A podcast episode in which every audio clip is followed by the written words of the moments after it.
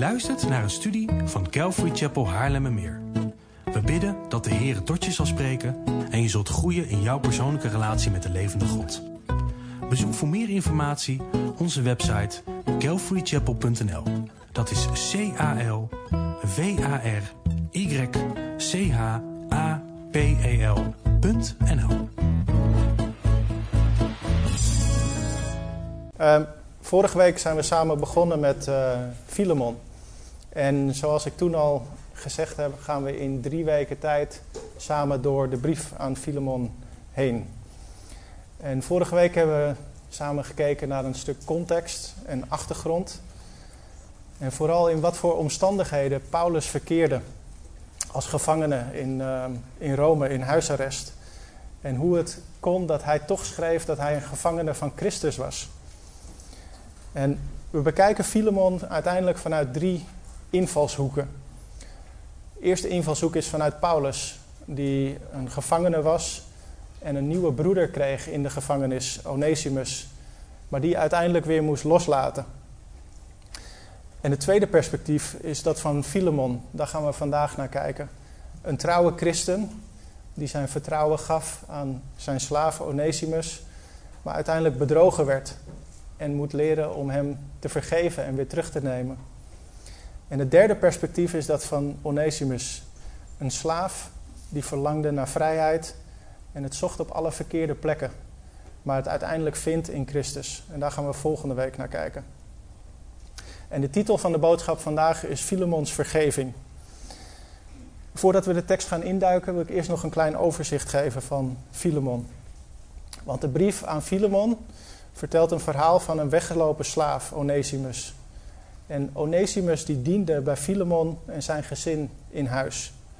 En wat ik net al zei, Filemon was een trouwe christen. Dat zullen we ook zo lezen.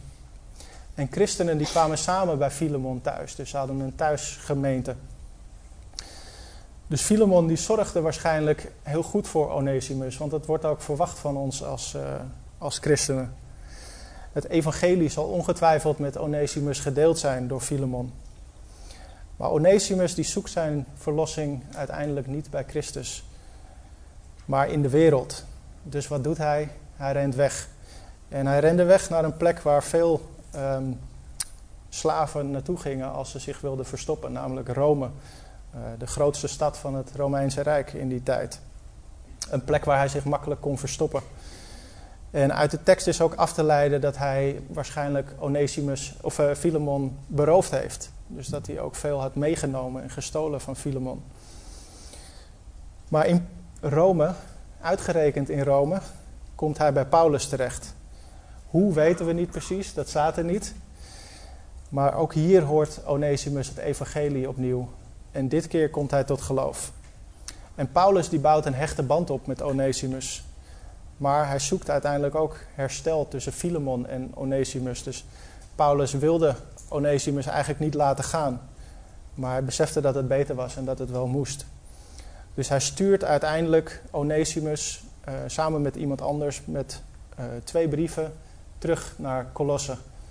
Uh, dat is de Colossense brief en de brief aan Filemon. Nou, dat gezegd hebbende, vraag ik jullie om jullie Bijbel open te slaan op Filemon. En dan gaan we vers 1 tot 3 lezen. Paulus, een gevangene van Christus Jezus, en Timotheus, de broeder, aan Filemon, de geliefde en onze medearbeider, en aan Appia, de geliefde, en aan Archippus, onze medestrijder, en aan de gemeente die bij u thuis samenkomt. Genade zij u en vrede van God, onze Vader, en van de Heere Jezus Christus. Zoals de naam van de brief al een beetje impliceert, is deze brief gericht aan Filemon. En het interessante is dat Paulus deze brief echt aan een persoon uh, richt. Waar zijn andere brieven allemaal aan gemeenten gericht zijn, is dit een persoonlijke uh, brief. En dat zegt ook iets over de relatie tussen Paulus en Filemon. We zullen zo ook nog iets meer over gaan zien. Maar ik geloof echt dat Paulus Filemon goed kende en dat zij een hechte band hadden. De naam Filemon betekent liefdevol of aanhankelijk. En als je gaat kijken naar de naam en de oorsprong van die naam, dan komt, het, uh, komt de naam, heeft zijn, zijn wortel zeg maar, in het woord phileo. En het woord phileo, dat betekent broederlijke liefde. En zoals vaak in de Bijbel zijn namen niet zomaar namen. Vaak werden mensen, kregen mensen een naam van betekenis, die ook iets zei over de persoon. En zo geloof ik ook bij Filemon, omdat we ook zo zullen lezen dat hij veel liefde had voor de heiligen. En belangrijk is dat we de grondtekst altijd raadplegen om de betekenis van woorden in de Bijbel te kunnen begrijpen. Onze Bijbelvertaling staat vol met het woord liefde. Maar in de grondtekst zijn dat uh, volgens mij vijf verschillende woorden. En twee daarvan wil ik vandaag uh, toelichten. De eerste heb ik net al genoemd, dat is phileo. Wat broederlijke liefde betekent, of liefde tussen vrienden. Maar het is ook een liefde gebaseerd op emotie. En de tweede waar we het over zullen hebben vandaag is agape. En agape-liefde is goddelijke liefde. Onvoorwaardelijk. En een liefde die gebaseerd is op een wilsbesluit, op een keuze. We hebben net ook gelezen dat, Philemon, of eh, dat Paulus schrijft aan Filemon de geliefde. En het woord voor de geliefde daar, dat is, ik weet niet precies hoe ik het uitspreek, agapetos of zoiets. Um, dus daarmee zegt Paulus dat Filemon onvoorwaardelijk geliefd was. En ditzelfde woord, agapetos, wordt ook gebruikt in Matthäus 3, vers 17, waar staat: En zie, een stem uit de hemelen zei: Dit is mijn geliefde zoon, in wie ik mijn welbehagen heb. Het woord voor geliefde zoon hier is ook agapetos, geliefde. Dus we zullen vandaag een contrast gaan zien tussen phileo en agape. En phileo is een wereldse vorm van liefde. Het is een vorm van liefde die voor ons heel natuurlijk is. En het is een vorm die eigenlijk werkt als een soort weegschaal. Als jij iets voor mij doet, dan doe ik iets voor jou. Maar als ik alleen dingen voor jou doe en jij doet niets voor mij, dan is die weegschaal uit balans en dan voelt het niet goed meer. Dan raakt de koek als het ware op. En stel je voor, werelds gezien, dat je iemand lief hebt en je geeft diegene van alles. Maar vervolgens misbruikt die persoon jouw liefde en doet jou iets verschrikkelijks aan. Om iemand dan nog steeds lief te hebben, is werelds gezien eigenlijk onmogelijk. De weegschaal slaat dan keihard de andere kant op. En er is een soort schuld opgebouwd. Er moet iets rechtgezet worden. De schuld moet als het ware vereffend worden. Die persoon moet berouw tonen en zich bekeren. Dat is de phileo-vorm van liefde. Agape is een vorm van liefde die Jezus heeft laten zien. En die alleen door God mogelijk is. Dit is de liefde die Paulus onder leiding van de Heilige Geest schreef in 1 Korinthe 13. Deze liefde is niet afhankelijk van de ander, maar alleen van God. Deze liefde is een keuze. Deze liefde hoeft niets te vereffenen en claimt niets. Deze liefde draagt alles, gelooft alles, hoopt alles, verdraagt alles. En deze liefde houdt nooit op. Dit is de liefde die God ons geeft en vraagt om door te geven. En wat het mooie is, is dat Paulus hier opent met die tekst aan Filemon, de geliefde. Dus hij zegt hier dat Filemon onvoorwaardelijk geliefd is door een wilsbesluit. En ik geloof dat Paulus dit bewust zo opgeschreven heeft. Want het is precies wat hij aan Filemon gaat vragen om te doen. Om Onesimus op die manier lief te hebben. En Paulus moest ook iets opbouwen um, voordat hij Filemon zou vragen om ervoor te kiezen om Onesimus lief te hebben. Omdat dit volledig tegen Filemons gevoel in zal uh, zijn gegaan. Daar gaan we zo meteen ook nog iets dieper op in. Um, Paulus schrijft verder dat Filemon een medearbeider was Dus hij was een actief christen. Hij was bezig met de dingen van de Heer. En verder hebben we net gelezen dat hij zich richt aan Appia, de geliefde, en Archippus. En aan de gemeente die bij hun thuis samenkwam. En doordat dit hier zo staat, is de verwachting dat Appia, wat een vrouwelijke naam is, de vrouw was van Filemon. En Archippus, de zoon van Filemon en Appia. En belangrijk is om te weten dat slaven in die tijd over het algemeen door de vrouw in het huishouden werden aangestuurd. Dus deze brief ging ook Appia aan. Dit was haar ook aangedaan. Zoals veel in die tijd hadden zij een thuisgemeente. En het lijkt er ook op dat Filemon een welvarend man was. Want helemaal aan het einde van de brief zullen we straks lezen dat Paulus vraagt om een slaapplaats voor hem voor te bereiden bij Filemon en Appia. Dus hun huis was groot genoeg voor een gemeente om samen te komen. En daarnaast ook nog een slaapplaats te bieden voor Paulus. Dus daar kunnen wij het afleiden dat ze waarschijnlijk wel welvarend waren. In die tijd hadden Joden synagogen, maar christenen hadden geen gebouwen.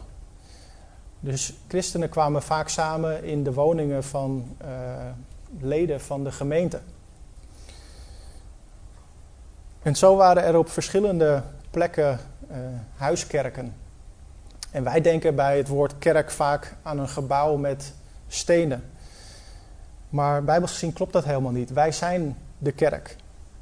En als wij samenkomen, dan is dat waar de kerk is. En dat kan prima bij iemand thuis.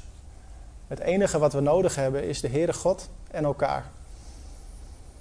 En ik geloof dat het ook goed is om ons huis allemaal als een huiskerk te zien. Met eigenschappen van een gezonde gemeente. We gaan met de online fellowship groepen gaan we door een boekje heen over wat een gezonde gemeente is.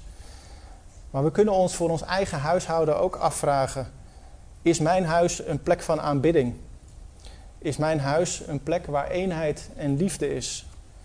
Is er onderwijs in mijn huis?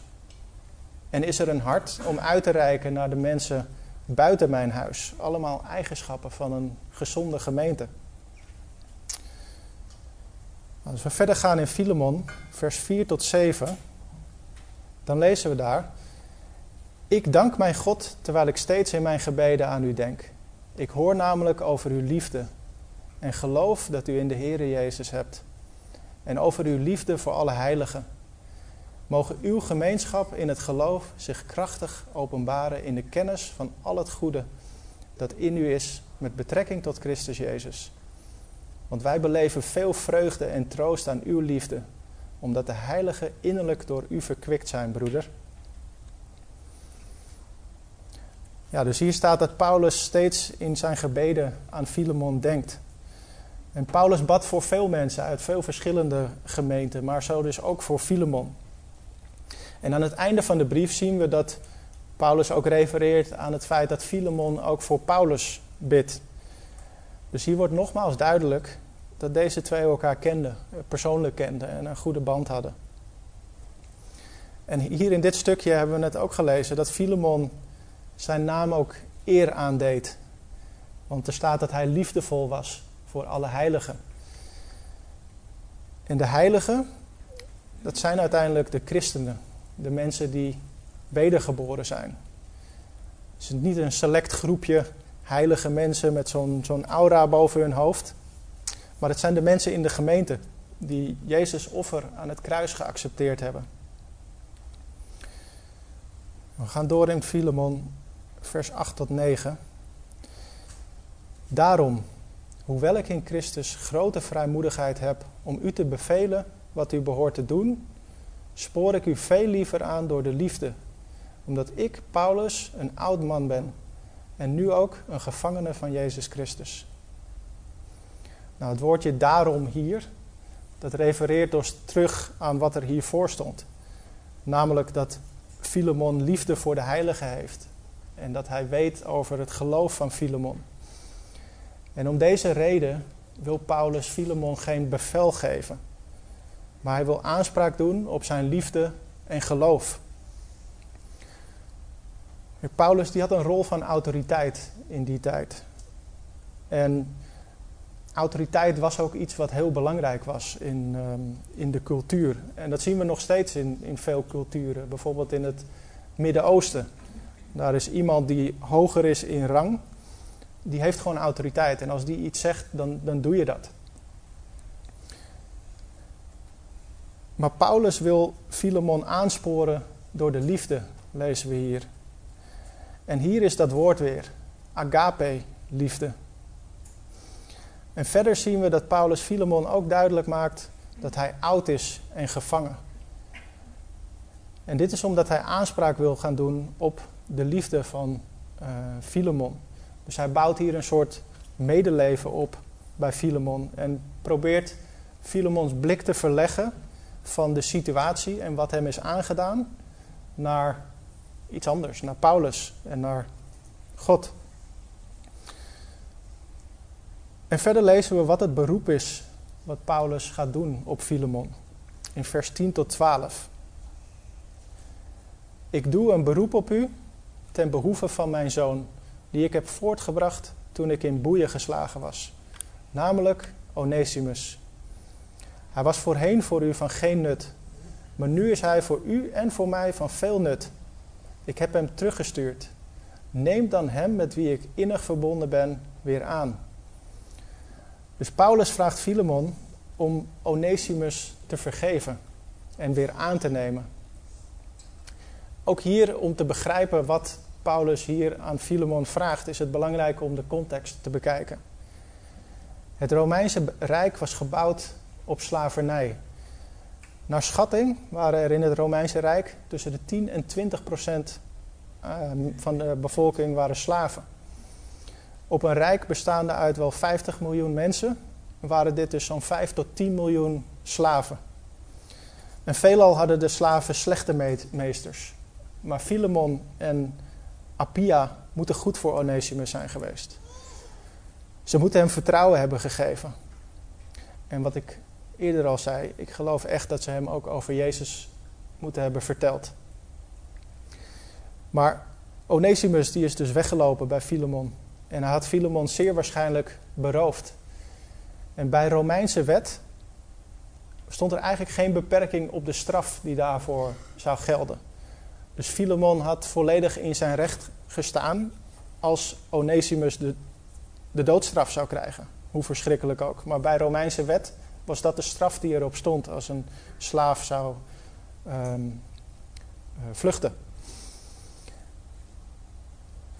En ik denk dat we ook niet moeten onderschatten wat het effect is van wat Paulus vraagt aan Filemon op de andere slaven.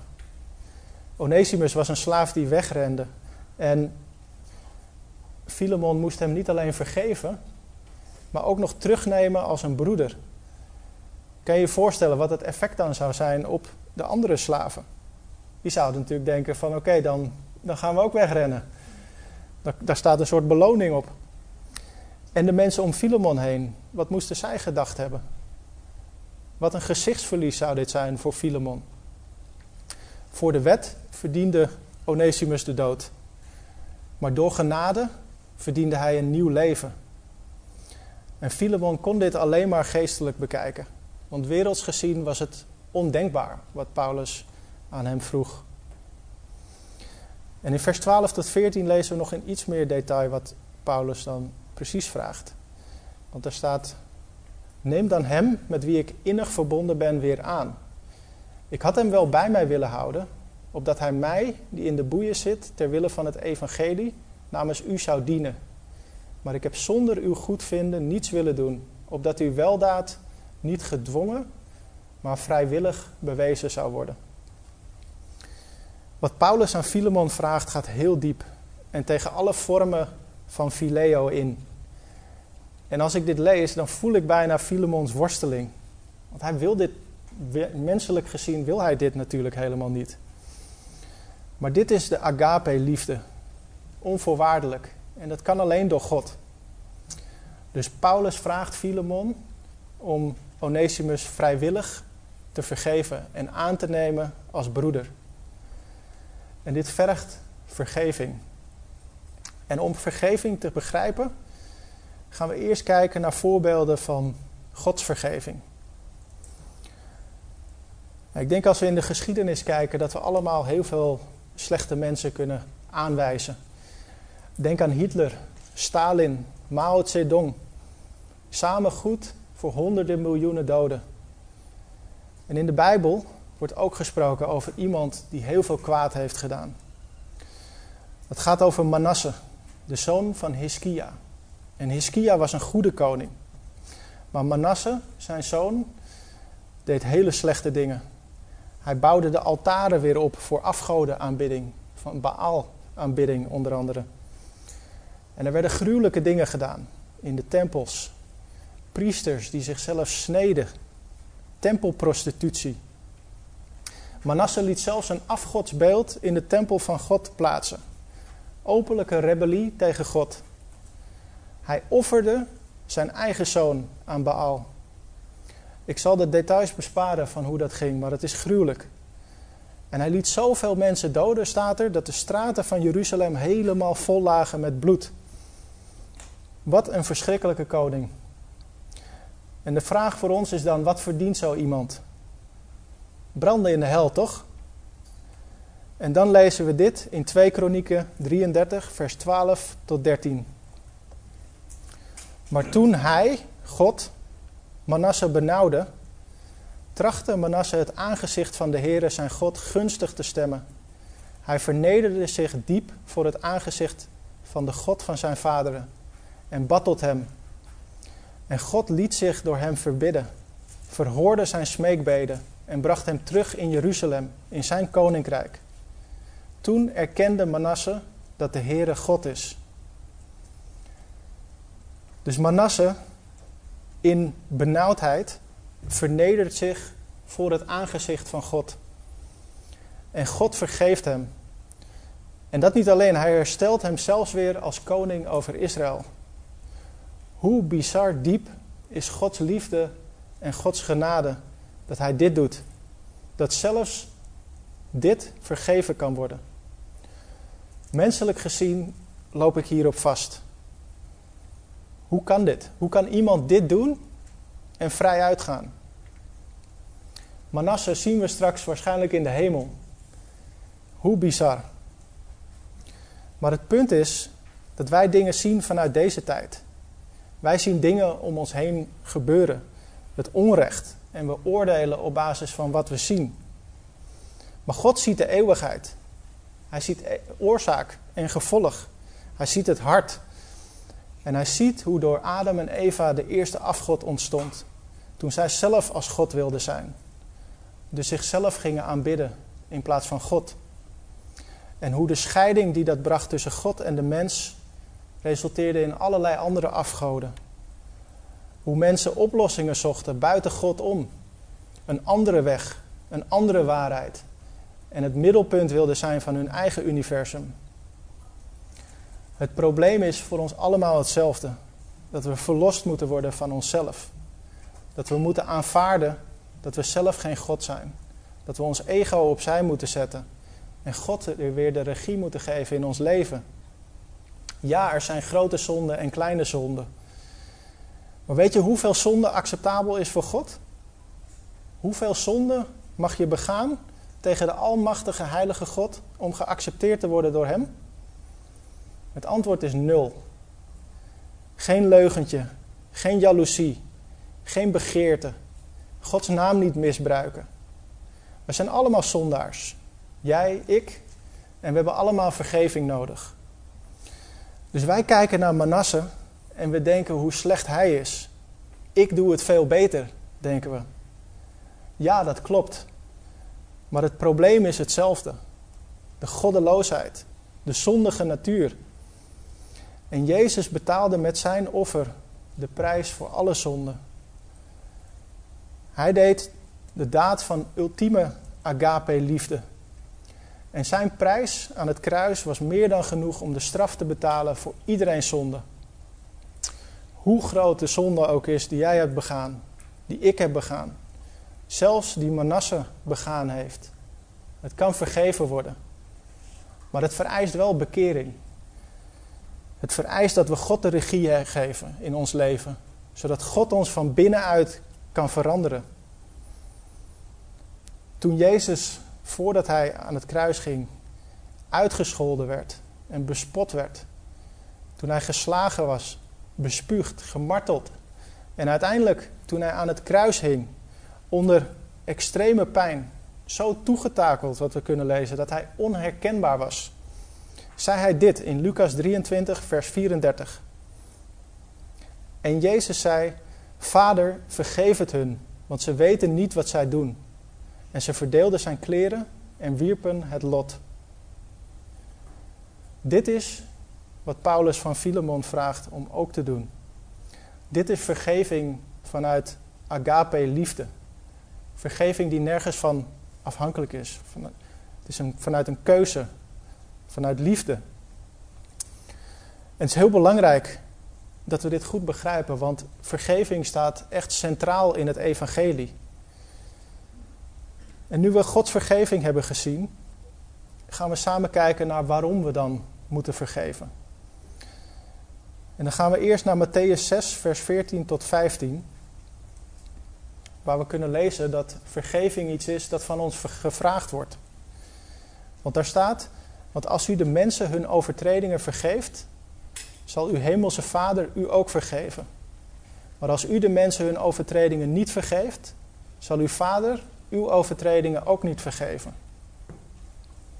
Als wij niet vergeven, dan gaat het scheiding brengen tussen ons en God. En het is belangrijk dat we dit niet lezen als dat we dan gelijk onze redding verliezen. Maar ik geloof dat dit gaat over de zonden die wij hier op aarde nog begaan, die ons dan niet vergeven zullen worden. Waardoor er dus scheiding tussen God en ons ontstaat. Ik geloof wel dat als wij lang genoeg gescheiden zijn van God, dat we zelf tot een punt kunnen komen dat we niet meer terug willen naar God. Maar dat is een onderwerp voor een andere studie. Um, belangrijk is dat wat Jezus hier zegt niet beperkt is tot gelovigen. Dit geldt voor iedereen. Dus de Bijbel is duidelijk dat wrok koesteren ons bitter maakt van binnen. En niet vergeven een zonde is, die scheiding brengt tussen God en ons. Of dat nou gelovigen zijn of niet-gelovigen. We moeten leren om te vergeven, zoals wij ook vergeven zijn. En waar we het vorige week over hadden, was dat Paulus Onesimus terugstuurde met een metgezel naar Colosse. Met de Colossensebrief en de brief aan Filemon. En in Colossense omschrijft Paulus onder leiding van de Heilige Geest ook nog een belangrijk punt waarom we moeten vergeven. Daar staat in Colossense 3, vers 13: Verdraag elkaar en vergeef de een de ander. Als iemand tegen iemand anders een klacht heeft, zoals ook Christus u vergeven heeft, zo moet u ook doen. Dus vergeven is niet iets vrijblijvends. We moeten vergeven zoals Christus vergeven heeft. Maar de vraag is hoe dan? Hoe kunnen wij, zoals Filemon Onesimus moet, verge vergeven, ook anderen in ons leven vergeven? En ik heb natuurlijk geen idee waar jullie mee worstelen rondom het vergeven van mensen. Um, menselijk gezien, op basis van de phileo-vorm van liefde, hebben wij het beeld dat vergeving iets is voor de ander. De ander vrijspreken, uh, vergeven en vergeten.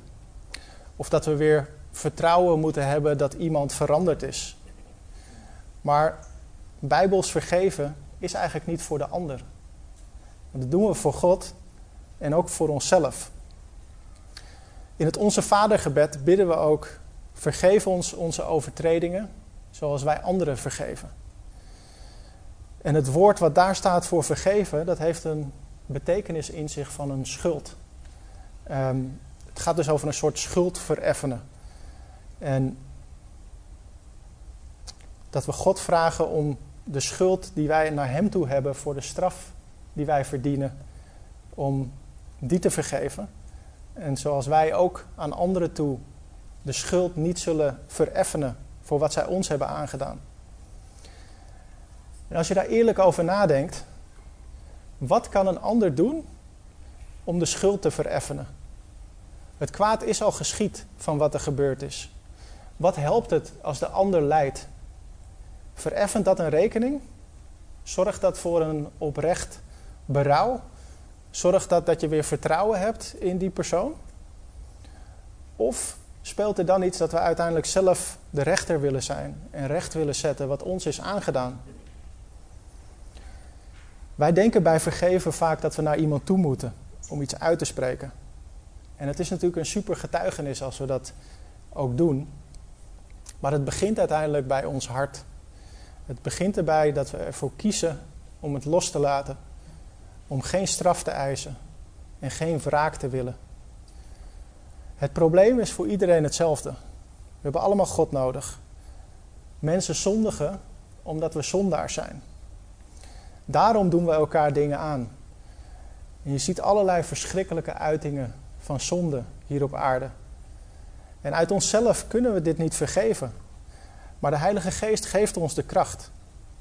En ik moest hierbij denken aan een situatie lang geleden, voordat mijn vrouw Roos tot geloof kwam. Ik was radicaal tot geloof gekomen. En ik wilde van de een op de andere dag, ik wilde geen televisieprogramma's meer kijken. Ik zag zoveel duisternis ineens op tv. Ik was het echt gaan zien als Satans uitzendingskanaal. En wij keken daarvoor heel veel films samen. Maar ineens wilde ik alleen nog maar christelijke films zien. En een avond zei Roos van, ja, ik wil nu wel een keer weer een normale film zien hoor. En elke keer die christelijke films. Nogmaals, zij geloofde niet. En ik heb toen gebeden, want ik wilde ook niet een extreme film die ja, heel erg, uh, nou ja, goddeloos is, zeg maar. En ik kwam toen op een film die totaal niet christelijk leek. Unbroken heet die, geregisseerd door Angelina Jolie. Nou, veel wereldser wordt het waarschijnlijk niet. Het gaat over um, een atleet die in de Tweede Wereldoorlog piloot wordt. En onderweg naar de Pacific, of over de Pacific naar Japan, stort zijn vliegtuig neer. En op zee drijft hij in een soort reddingsbootje. het is waar gebeurd. En daar bidt hij in een soort wanhoop tot God. En zegt: Als u er bent, dan wijd ik mijn leven aan u. Maar red me hier alstublieft uit. En hij wordt op dat moment ook gered. Of althans iets daarna. Maar hij wordt gered door Jappen. Die hem met een boot uh, uit de zee vissen. En hij komt in een strafkamp. Waar hij verschrikkelijk gemarteld is. Compleet vernederd, gekleineerd, gepijnigd. Aan het einde van de film komt er natuurlijk redding. Amerikanen die komen en zij gaan uit het kamp terug naar Amerika en een boom, aftiteling. Roos was op dat moment in slaap gevallen. Maar in de aftiteling zag ik ineens beelden van die man die jaren later als oude man met een Olympisch vuur in Japan over straat liep. En toen dacht ik, hoe kan dit? Hoe kan iemand na zo'n ervaring daarna met een lach op zijn gezicht door Japan lopen met het Olympisch vuur in zijn hand? En toen ik ging zoeken, kwam ik erachter dat deze man inderdaad zwaar getraumatiseerd was toen hij terug naar Amerika ging. Hij kon alleen nog maar op de grond slapen. Hij kon geen mensen meer om zich heen verdragen. Hij is aan de drank gegaan om zijn pijn weg te drinken. Maar iemand heeft hem meegenomen naar een crusade van Billy Graham. En de eerste keer dat hij daar kwam, is hij weggerend, omdat hij het niet kon verdragen. Maar de tweede keer dat hij daar kwam, heeft hij zijn leven aan de Heer gegeven. En werd hij verlost van de demonen die hem ehm, in hun greep hielden, zijn verleden. En uiteindelijk is hij daarna teruggegaan naar Japan.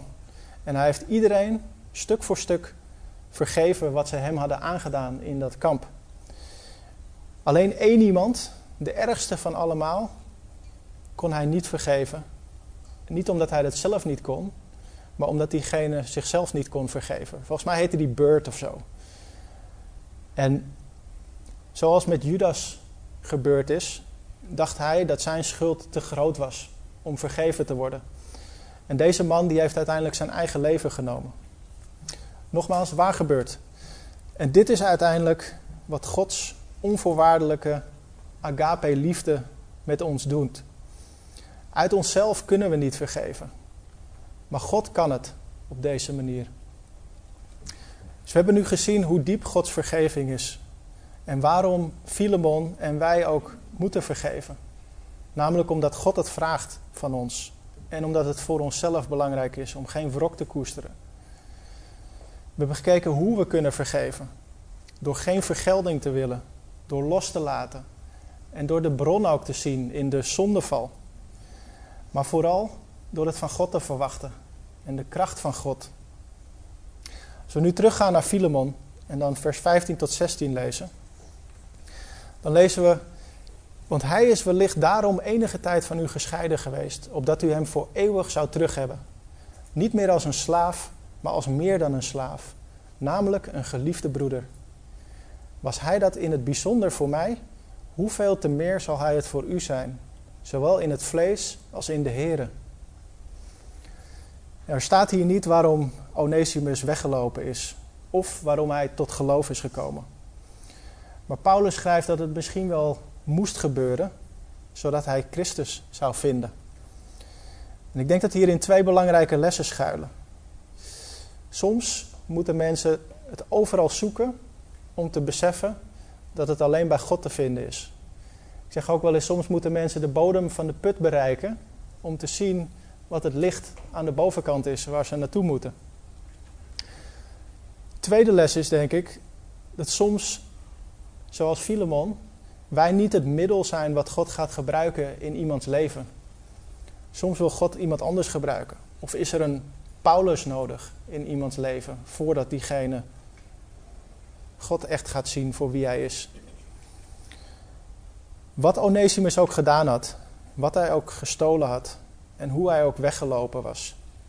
Filemon moest het wilsbesluit nemen om hem te vergeven en te aanvaarden als broeder. En hoe waardevol is het als wij een broeder erbij krijgen, of een zuster natuurlijk. En ik denk een vraag die we onszelf hierbij mogen stellen is: zien wij mensen na bekering echt als een nieuwe schepping? Want Jezus maakt uiteindelijk het verschil. Als iemand echt tot geloof is gekomen, dan verandert God het willen en het werken. Lezen we in Filippenzen 2, vers 13. Ik heb dit zelf mogen meemaken met Roos. En het heeft mij maanden gekost om te beseffen dat zij echt een nieuwe schepping was. Dat ze anders was.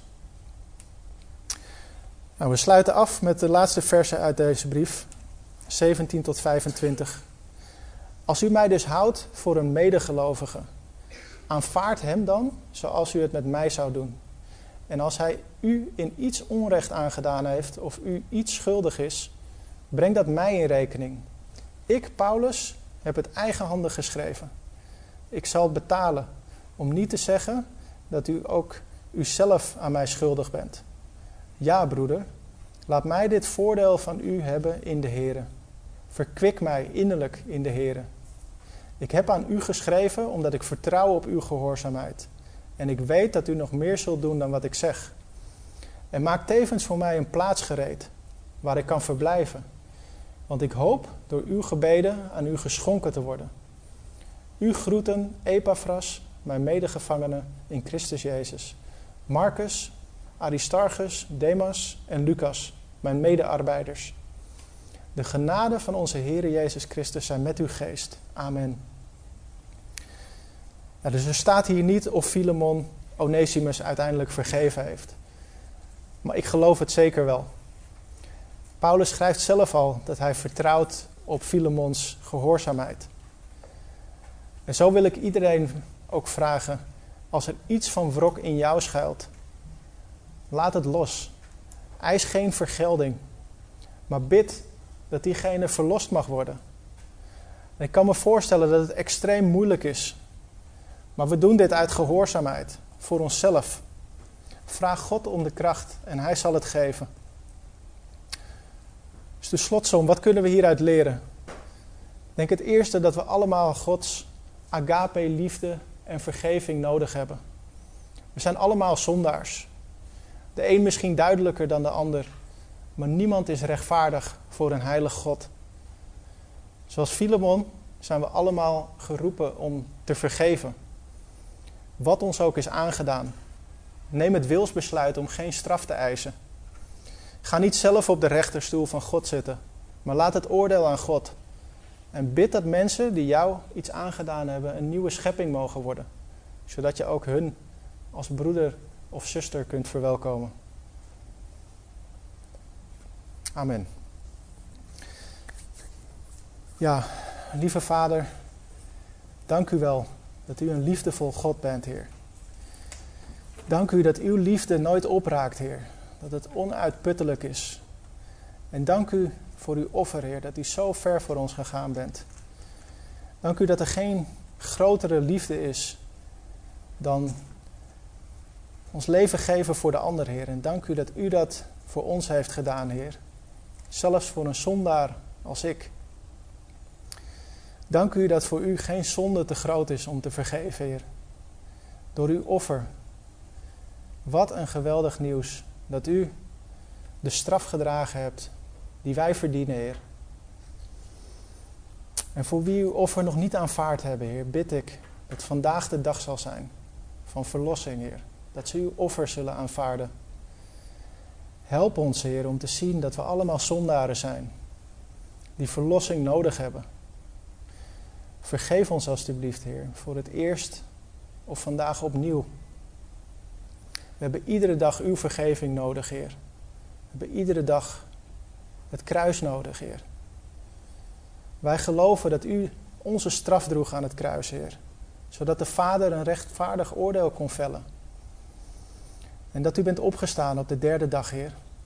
Dat u God bent. Geloof, Heer, dat uw offer genoeg is en dat er geen zonde groter is dan de prijs die u betaalde aan het kruis, Heer. Met uw kostbaar bloed. En help ons, zoals Filemon moest, om ook zelf zo genadig en vergevingsgezind te zijn als u dat bent, Heer. Verander ons alstublieft naar het evenbeeld van uw Zoon. Help ons om los te laten, Heer. We geven alles aan u. Geen vergelding, geen claims. Maar we bidden, Heer, dat we alle slachtoffers van de zonde in de mensheid voor uw troon mogen brengen, Heer. En breek de muren af om hun hart, Heer. Help hun om te zien wie u bent. Verander hen, Heer, in een nieuwe schepping, zoals dat bij Onesimus gebeurde, Heer. En Heer, we danken en we prijzen u in Jezus' naam. Amen.